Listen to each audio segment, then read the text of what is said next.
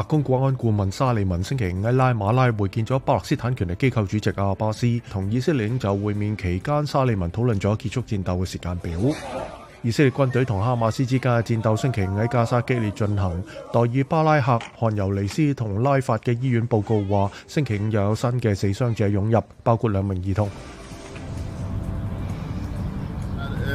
伊朗國營傳媒星期五話，東南部一個警察局喺晚上被疑似分離主義組織襲擊，有十一人死亡，多人受傷。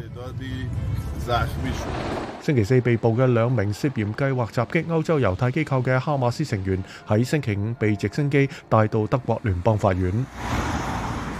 歐盟成員國領袖星期五喺比利時聚集，雖然歐盟決定同烏克蘭展開入盟談判，但未能夠就烏克蘭需要嘅五百四十億美元援助達成協議。